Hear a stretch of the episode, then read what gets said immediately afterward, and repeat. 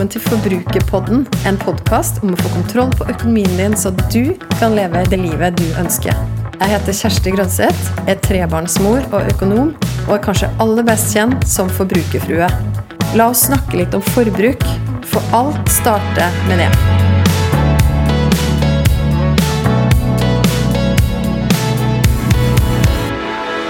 Har du noen gang hørt en indre stemme som hviska deg i øret at du skulle gå for en drøm? Før den ble overdøva med en annen stemme som sa at det kommer aldri til å gå, du har ikke råd, eller timingen er for dårlig. Hva er det som hindrer oss i å følge drømmen? Er økonomi en av de største grunnene? Og hvordan er det mulig å overvinne hindrene og satse på drømmen likevel? Dagens gjest i Forbrukerpodden var karrierekvinne i Oslo, men i 2018, litt over to år siden, tok hun det hun sjøl har kalt et uvanlig valg, da hun bestemte seg for å ta en pause og flytte til et fiskevær i Lofoten, til havet og fjellene. Den dama heter Elin Aamodt, og hjertelig velkommen i studio. Tusen takk. Så fint å ha deg her. Det er jo nå litt over to år siden du tok valget ditt, og jeg vet at det folk oftest spør deg om, er nummer én hvordan trives barna, og nummer to er det mulig økonomisk å følge en drøm? Hva pleier du å svare? ja, det er helt riktig. Ja, da sier jeg at uh, det er langt mer mulig enn det man tror å følge en drøm, når man begynner å gå konkret til verks. Mm. Ja, for det var jo akkurat det du gjorde. Du gikk jo veldig konkret til verks. Altså, du har jo fortalt meg at du hørte denne stemmen, og i motsetning til den introduksjonen, da, der man kanskje hører en annen stemme, så valgte jo du Jeg vet ikke om du hørte den nå, men du valgte i hvert fall å, å, å, høre på den første, som sa at ok, flytt, ta en pause, stopp litt opp. Det, det er helt fantastisk, og vi skal få, få, vite mer om det. Kan ikke du fortelle litt mer om eh, deg, Elin? Hva, hvem er du, og hva, hva er du opptatt av om dagen? Takk, det gjør jeg gjerne. Og det var jo ikke slik at uh, jeg kjente dette uh, hva skal jeg si, indre stemmen, eller det var noe inni meg som ville leve nærmere naturen en periode. Så var det jo ikke slik at den tanken kom, og så neste dag så dro jeg. Det gikk ganske lang tid. Og det begynte med at jeg hadde lyst til å ta en litt lengre sommerferie et sted, for jeg kjente at uh, bylivet det var høyt tempo. Sikkert ikke noe mer stressende for meg enn noen andre, men jeg kjente at her var det noe annet som jeg var dratt til. Jeg drømte om å leve nærmere naturen. Og så kom, kom, det at jeg hadde lyst til å bo i et fiskevær i Lofoten, og det var helt absurd, for jeg hadde aldri vært der og kjente ingen. så jeg slo det jo bare bort. Ja. For det gjør man jo, ikke sant? Bare sånn absurd tanke fra et sted inni meg. Mm. Men så kjøpte jeg et kart over Lofoten, og så gikk det mange måneder, og så begynte jeg å leke litt med tanken, men jeg slo det bort, for det var jo ikke mulig økonomisk. Jeg var nyskilt og hadde min flotte jobb her i, i Oslo, og det var ingenting som tilsa at jeg skulle klare å følge den drømmen. Mm. Men øh, det var noe med den prosessen som gjorde at jeg mer og mer så på hindringene mine til å gjøre faktisk det som jeg skjønte var godt for meg, og som jeg virkelig, virkelig hadde lyst til. Og kort historie Lang historie kort, mm. så fikk jeg det til. Og det handlet mye om at jeg turte å gå inn i de hindringene mm. som jeg la på meg selv. Mm. Hva er det som egentlig hindrer meg, og hvordan kan dette være mulig? Og det var et sånt skifte inni meg fra å tenke at nei, men det er ikke mulig økonomisk. Mm hvordan kan det bli mulig? Så ved å skifte den innstillingen så begynte jeg å, å se på konkret om det var mulig. Mm. Kunne jeg leie ut leiligheten på Adamstua? Hva kunne jeg få for den? Kunne jeg selge veldig mange av tingene mine på Finn? Bygge opp en liten sparekonto? Kunne jeg klare det? Kunne jeg kutte forbruket? Og med en gang jeg gjorde det skiftet med å gjøre små prioriteringer mot det jeg drømte om, så fikk jeg det til. Mm. Men så, det var jo skummelt på veien, absolutt. ikke sant. Og hvor lang tid tok det da fra du, fra du, tenkte tanken første gang, til du faktisk satt i bilen på vei opp til Lofoten med to, de to små gutta dine? Hvor lang tid tok det? Det tok uh, ni måneder cirka. Det tok ni måneder, mm. Så da hadde du jo faktisk litt tid på, på å la dette synke inn og planlegge. Jeg hadde. Jeg hadde. Og du hadde jo en jobb, du er mm. jurist, du mm. hadde en lederjobb ja, i, eh, i, Oslo, i musikkbransjen.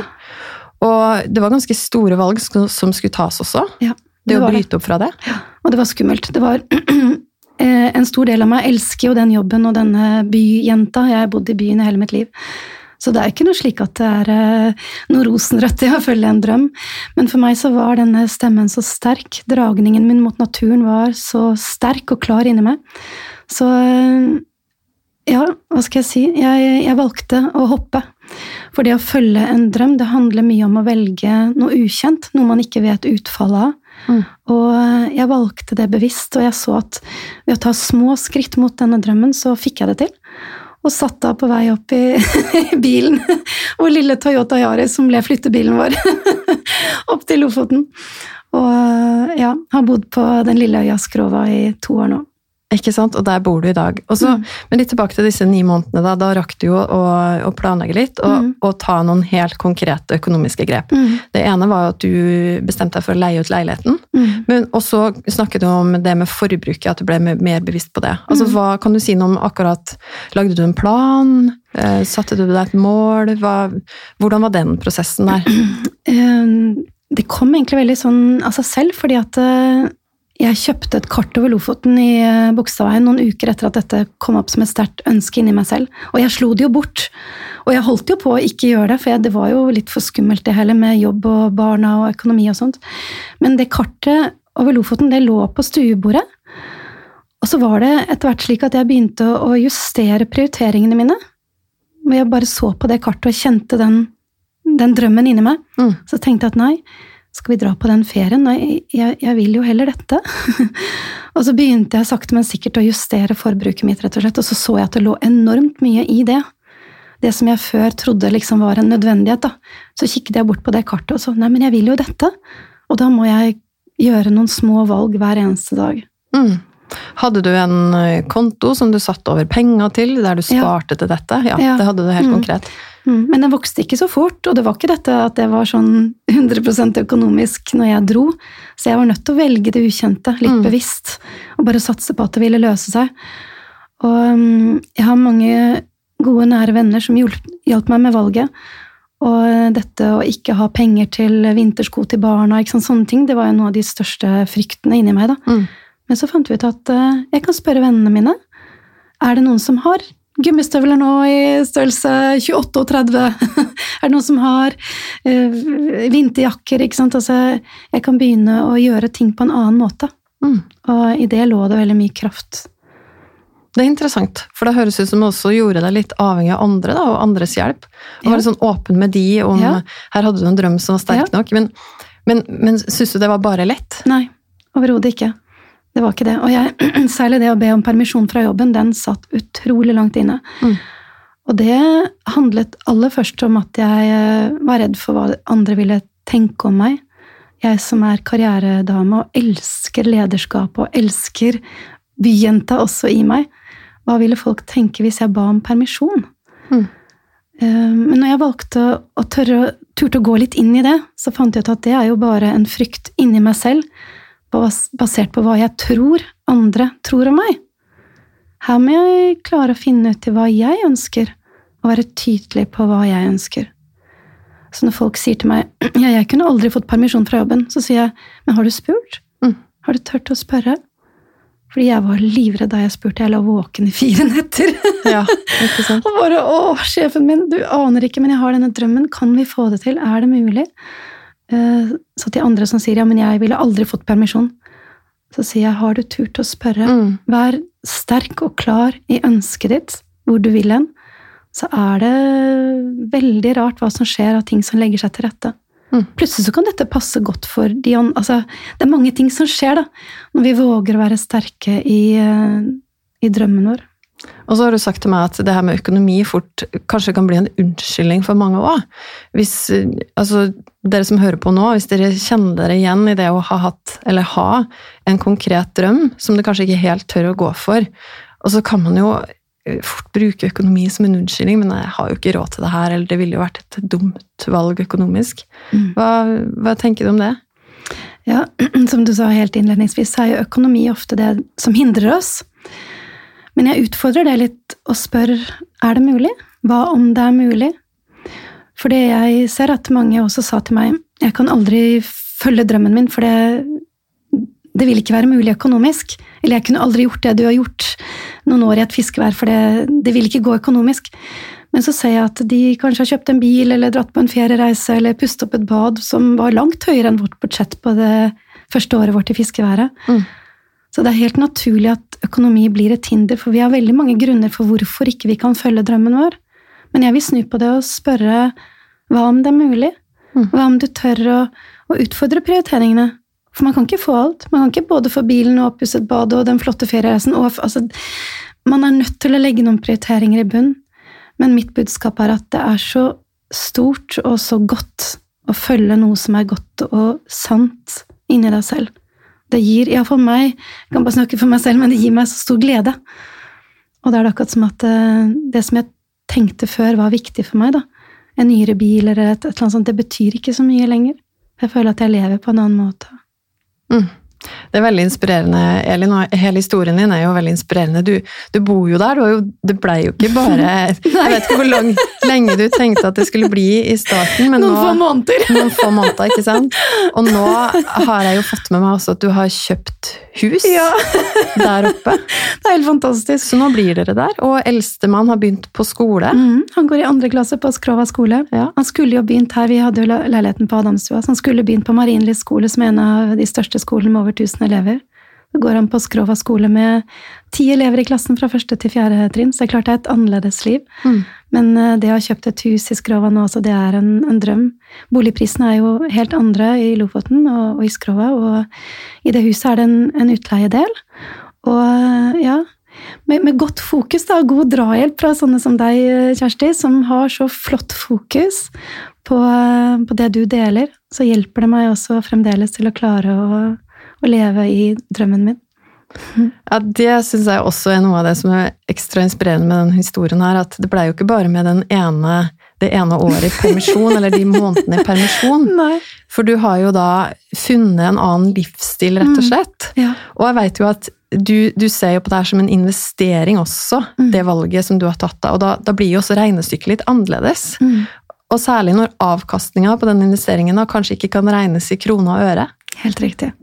Og det er det jeg ser også, at det jeg trodde før var en sånn um, løype man må gå, da. Man gjør sånn og sånn, og så kjøper man en leilighet, og etter det så kjøper man et rekkehus, og etter det så kjøper man en enebolig. Så det er en sånn um, forutinntatt sånn, sånn løype vi skal gå alle sammen. Plutselig så er det litt snudd på hodet, for at jeg ser at uh, jeg investerer i livskvalitet og en annen måte å leve på.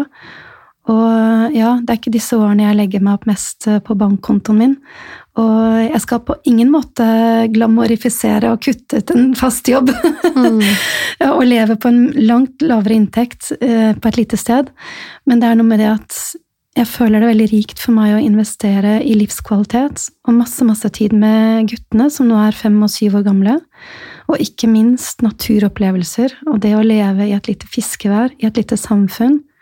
På skrået bor det 170 mennesker. Så i dette lille fiskeværet så er det en veldig rik og flott måte å leve på, som jeg setter veldig, veldig stor pris på. Til livsbanken min. Til Livsbanken, Ja. ikke sant? Der kommer, der kommer eh, avkastningen kommer Ja. i Livsbanken. Avkastningen min er nordlys og kalde bad i havet og, Mm. og disse fantastiske fiskeværopplevelsene. Det å bo på en øy når det stormer, altså disse tingene her. Så ja. Og så har du jo noen veldig konkrete erfaringer med at forbruket endrer seg, da. Mm. Gjerne når man tar ja, det valget som du har tatt, kontrastene kunne ikke blitt større, kanskje, fra et storbyliv til å flytte på en liten øy. Ja. Kan du si litt mer om hvordan forbruket ditt har endra seg konkret? Ja, jeg bodde jo på Adamstua og hadde jobben her i sentrum, så det var jo veldig ofte at jeg gikk innom og tok med meg en kaffe eller lunsj, eller ikke sant, du rasker med deg små ting som du trenger, og som også ga meg mye glede. Og den gangen også så følte jeg med på forbrukerpodder og sånne ting som, som sa at ja, men kutt ut den kaffen, så sparer du. Men, men for meg så, så var den lunsjen eller sant, ting som faktisk også ga meg glede. Men uh, i Skrova så er det ingen butikk, eller en liten matbutikk. Men jeg ser at det som jeg trodde før var viktig for meg, da, eller ting som ga meg glede, det, det, det forandres helt naturlig når man, når man bor et annet sted, og når man gjør et valg som er litt større enn meg, altså noe som jeg virkelig, virkelig drømte om, så er det akkurat som at det som jeg trodde før var viktig, det er ikke så viktig lenger. Mm. Så det Jeg var litt overrasket sjøl, egentlig. For jeg så at neimen, her er det det er en annen måte å leve på, som, eh, som kom helt naturlig, da. Mm. For før så har jeg tenkt at dette, dette måtte kreve mye større forsakelser. Men eh, det, det, kommer litt natu det kom litt naturlig. ja. Men tror du det er mest fordi du nå bor på et sted der det kanskje er mindre kjøpepress enn Ja. sammenlignet med før, eller tror du det er fordi at du vet at du må prioritere annerledes fordi drømmen din blei så sterk at du valgte å følge den? Jeg tror det er litt begge deler. Men jeg tror helt klart det har litt å si med dette du sa først. At i Skrova så er det ingen Det er ikke noe kaffelotter det er ikke noen rundkjøringer, det er ikke noe kjøpesentre. Og det å leve i et sted hvor man ikke konstant er utsatt for et forbrukerpress Mm. Det er ikke noe reklameskilt. ikke sant? Bare det Jeg ble bevisst plutselig hvor mye jeg var styrt av markedskreftene på en helt annen måte da, enn jeg trodde. For jeg trodde jeg gjorde på en måte mine valg. Mm. Men så ser jeg det at den der subtile hele tiden markedsføringen om å ta med deg et eller annet I, i Skrova så er det er natur, og det Ja. Men det er klart også et bevisst valg der om at jeg ikke velger den genseren eller ikke de, de støvlettene fordi jeg vet at jeg vil Vil noe annet Jeg vil fiske hver livet. Ikke sant? Så det er nok en blanding, men, men jeg har blitt overrasket over hvor mye vi utsettes for av um, ja, alle som vil at vi skal gjøre valg hver dag, basert på noe de ønsker. Mm. Men ta kontrollen tilbake til deg selv. Hva ønsker du å bruke pengene dine på? For hver eneste dag så har vi et valg. Det er utrolig interessant. Og litt, litt mer også på dette med Når man eh, leser om det skulle endre en vane, da, eksempel, så har det jo veldig mye å si hvilket miljø man befinner seg i. Mm. Og det er jo litt sånn som du sa, at du fulgte jo med på økonomipodkaster eller sånne ting, og, og sånn sett også plasserte deg i et miljø der du var eh, jeg hadde et bra utgangspunkt for å ta gode valg, da. Men så er det noe med det miljøet, altså den gata vi går gjennom hver eneste dag, det miljøet også, som bare helt underbevisst da, Mm. Ja, er preger oss. Og du har jo virkelig plassert deg da et sted som legger til rette for at du også skal ta gode økonomiske valg. Ja, ja. Ja, eller min investering er eh, natur og, og nærhet til naturen. Og jeg tror veldig på naturens kraft. Jeg tror veldig på at naturen kan være veien inn til en god del av God del i oss. Altså et sted i oss som føles sant og, og ekte. Et sted vi tar gode valg. Et sted vi får inspirasjon. Et sted vi kan være kreative. Ikke sant? Som er litt sånn um, Jeg skal ikke si at det, at det, motsatte av markedskreftene, men, men naturen er Den bare er. Mm. Du trenger ikke kjøpe noe der. Og den har man tilgang til her i byen også. Mm. Men altså, jeg skjønner jo hva du mener, for jeg var jo, jeg var i Lofoten en uke sjøl i sommer, og vi har booka oss to uker tilbake neste år. Wow. Fordi det var noe med altså som du har beskrevet det også, det med fargene og lyset og alt det der. altså Jeg ble helt betatt. Jeg var liksom, Når jeg tenker på det nå, nå får jeg gåsehud når jeg snakker om det. Men det var noe med det. Vi var jo der som familie, og bare sånn det nærværet vi hadde, fokuset på hverandre. Nå valgte vi også å legge bort alt av sosiale medier og sånne ting da, en uke, og det, det anbefaler jo også. Det, det var helt fantastisk. Mm. Men de samtalene vi hadde, og, og jeg tror aldri jeg følte meg eller i hvert fall lenge siden jeg følte meg så kreativ. Eh, og apropos drømmer også, det, det, det skjedde noe der, altså. Mm. Det var så godt å høre. Ja. Så det, det er jo Kanskje for meg så var det litt den kombinasjonen av den eh, ja, tiden bort fra skjerm, egentlig. Mm. Men også, også det å bare være omgitt av naturen. Og kunne bare senke pulsen, Mm. roe litt ned. Se hverandre i øya Ja. ordentlig. Åh, ja, men jeg, åh, jeg blir så glad når du sier det, for det er jo akkurat sånn. Og så er det begge deler. Det er det der bevisste valget om å legge bort den skjermen. Fordi at hvis vi ser på oss selv som sansende mennesker, men hele tiden skal sanse gjennom den skjermen, så, så er det jo noe som går tapt. Så ved å tørre å legge bort den, og tørre å si at ja, viktig med sosiale medier, og viktig med alt, men, men jeg har lange perioder bort. Helger off, ferier off. Så åpner man opp for en større dimensjon i seg selv. Og ikke minst av nærheten til naturen. Og der oppe er jo naturen så flott. Du har de store fjellene Ja. og havet og fargene. og du var, var der på sommeren. Mm. Ja, jeg vil jo også anbefale vinteren. Nå begynner mørketida i Lofoten og i slutten av november, begynnelsen av desember. Med et nydelig mørketidslys og nordlyset. Vi er så heldige i Norge som har så masse flott natur rundt Mm. oss. Ja, og det fikk jo veldig mange erfare i akkurat i Ja. år. Litt annerledes sommer når plutselig alle skulle ha Ja. norgesferie. Ja. Men jeg tror faktisk at mange har fått litt øynene opp for landet vårt. Og, og liker også det du sier om at det her er jo også tilgjengelig i byen, eller det er jo tilgjengelig i hverdagen vår, kanskje Mm. nærmere enn vi tror. Enn vi tror. Og det handler jo litt om også, og der tenker jeg jo det gode det går litt hånd i hånd også med gode økonomiske valg. da. Mm. Fordi at jeg vet at mange tenker at ok, nå er det helg, nå, nå må vi finne på noe med barna. Veldig mange er utrolig flinke på å bruke naturen og, og, og helt gratis. Og man pakker med seg en matpakke og, og en eh, termos med noe varmt å drikke nå når det er litt mer høst og sånn. Og så går man på tur, og så, kan man, så er det en helt gratis lørdag da, eller søndag. Men så er det jo mange også som føler på kanskje på et press på å finne på noe som betyr da bruke penger i løpet av en helg. Og kanskje jo eldre barna blir, eh, jo større blir det presset også på å skulle aktivisere seg på en måte som koster noe, da. Mm. Jo, men det er noe med det. Man, uh, vi legger opp til et samfunn hvor eh, stimuleringen skal være høy, hvor det kanskje også koster masse penger. Men uh, det å være ute i naturen med barna og uh, kanskje dra på telttur, da, eller ta med seg hengekøyer, eller og kanskje bare gjøre det som en sånn fast greie. Hver søndag så gjør vi det. Så.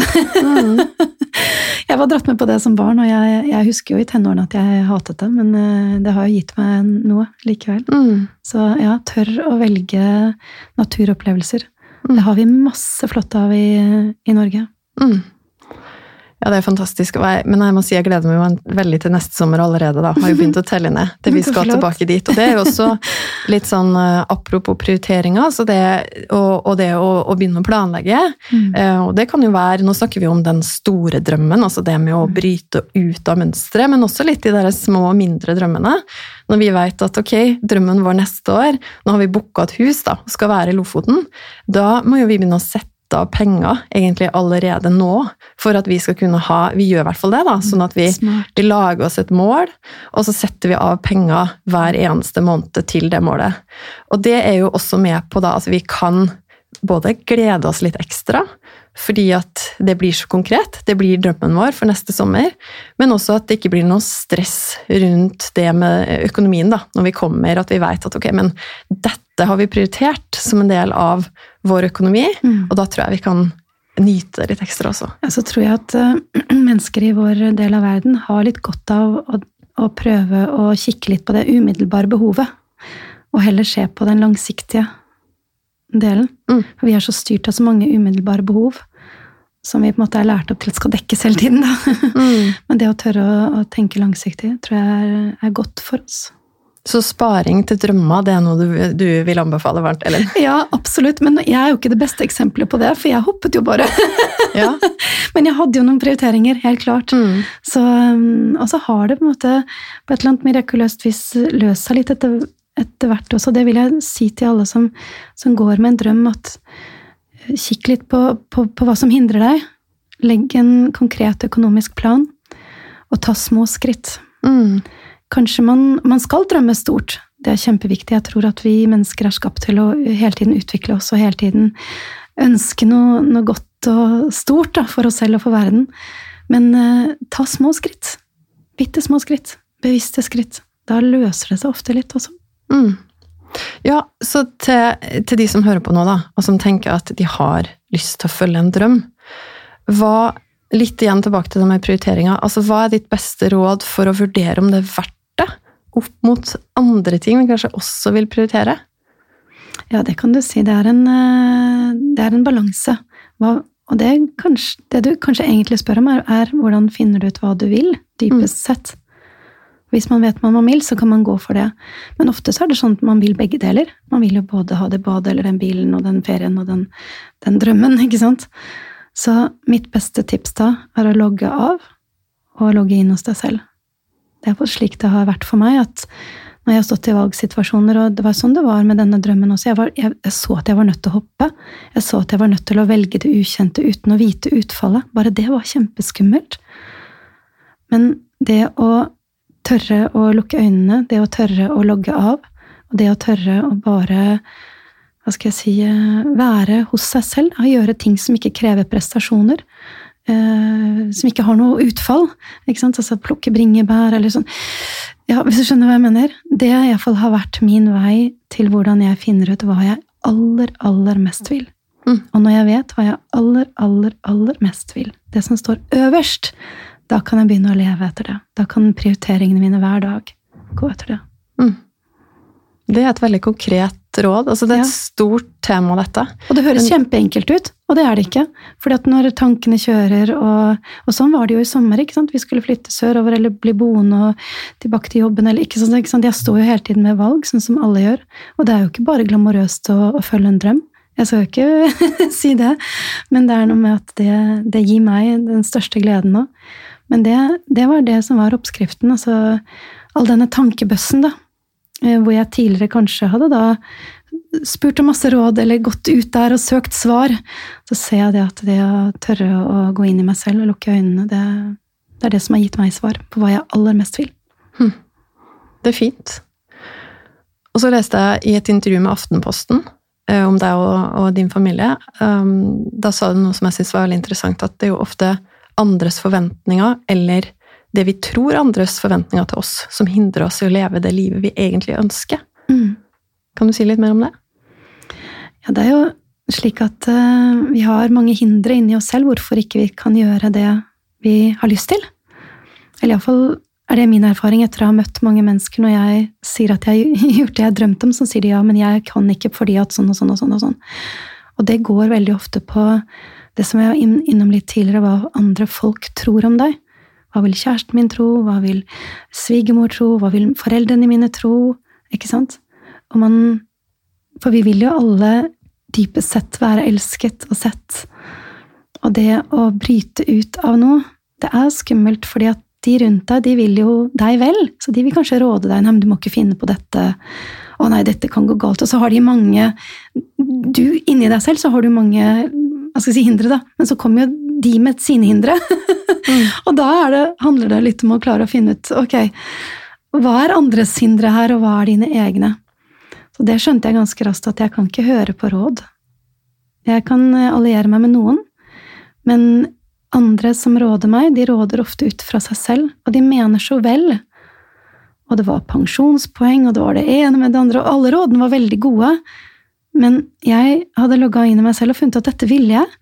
Nesten koste det koste ville. Mm. Og det har vært litt godt å liksom plassere hvis du skjønner hva jeg mener, plassere de hindringene hos dem, da. Men bare med kjærlighet. Bare si at vet du hva, jeg skjønner det, at du råder meg til det, men, men ja, finne ut ja. Så sortere litt de hindringene. Og, og stille deg spør spørsmålet når du blir gammel, hva er det som er viktigst for deg? Har du levd det livet som du selv valgte? Eller har du latt deg hindre av andres forventninger til deg? Det vi tror er andres forventninger. Og siste sjekken, spør dem. Er denne forventningen der eller Mm. ikke? Mor eller far, søstre, venner, sjefen, hva som helst. Du, dette er min drøm. Nå tenker jeg at du tror veldig Er, er det sant? For veldig ofte så er det ikke sant, men det er, å, det er smertefullt å gå inn der. Mm. Men tør det! For da frigjør det noe veldig stort inni deg selv. Det er iallfall min erfaring. Mm. Du er så utrolig tøff, Elin. Og når vi nå skal lande denne episoden av Forbrukerpodden, så har jeg lyst til å takke deg for at du deler din historie, og for at du er den inspirasjonen som du er. Og du deler jo også i sosiale medier, så jeg anbefaler alle å følge Elin Aamodt på Instagram. Og der vil du da, hva vil du få der? Du vil få masse, masse fantastiske naturbilder. Og en livsglede, og også disse perspektivene på det å våge å tørre. Så tusen hjertelig takk for at du takk for at tok turen helt til storbyen for å snakke med meg. Så ønsker jeg deg bare alt godt framover. Og kos deg med mørketiden, som jeg vet at du faktisk liker. Og alt som ligger foran av spennende prosjekt. Og nyt livet. Å, tusen takk, Kjersti. Det var veldig flott å være gjest her. Og takk selv for en veldig inspirerende både podkast og, og alt det du deler. Det hjelper meg mye. Tusen takk. Jeg vil gjerne vite hva du tenker etter å ha hørt episoden. Så koble med meg på Instagram. Der finner du meg som forbrukerfrue. Send meg en melding. Tagg meg gjerne i Story og del episoden her hvis du likte den. Eller send meg spørsmål. Og husk å abonnere på podkasten Forbrukerpodden, så får du beskjed hver gang det kommer en ny episode. Vi høres!